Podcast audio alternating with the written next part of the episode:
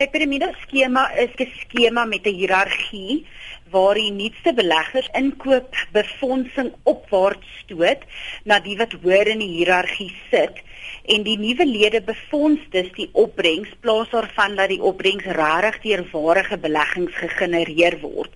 Die basiese verskil tussen 'n Ponzi skema en 'n piramide skema is dat die hoof van die skema in 'n Ponzi skema al die inkomste self inneem en dit dan weer aan al die lede versprei, waar in 'n piramide skema elke lid self die inkomste hanteer. Watse beskerming is daar vir Suid-Afrikaanse verbruikers teen hierdie manier van geld maak?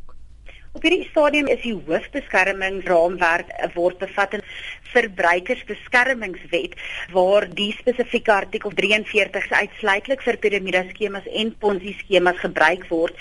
Die artikel maak dit onwettig om enigstens aan 'n piramide of ponzi skema te behoort.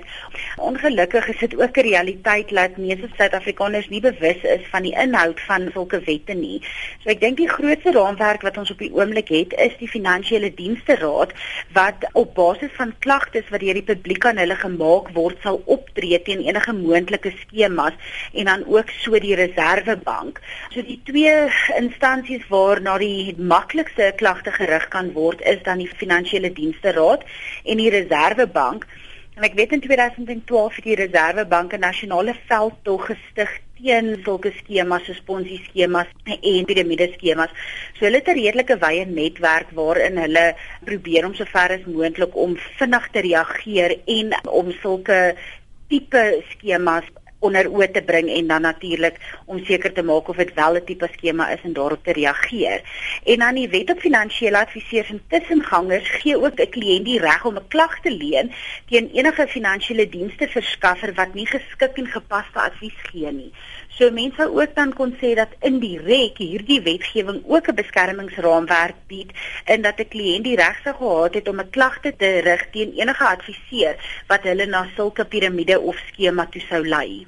Maar ten spyte hiervan val mense nog steeds gereeld daarvoor in Suid-Afrika. Hoekom dink jy is dit die geval? Die realiteit in Suid-Afrika is dat ons 'n baie slegte besparingskultuur het. En dis skrik baie mense op die ouderdom van 50 wakker en besef dat hulle oor 'n paar jaar moet aftree en hulle het geen voorsiening gemaak daarvoor nie. 'n Verdere realiteit in Suid-Afrika en ekonomiese omgewing wat ons in is, is dat mense eenvoudig nie kan spaar nie. Dis as 'n geleentheid opduik waar 'n baie hoë opbrengs gewaarborg word, dan val mense uit pure desperaatheid daarvoor met die hoop dat hulle aftrede 'n moontlikheid kan word.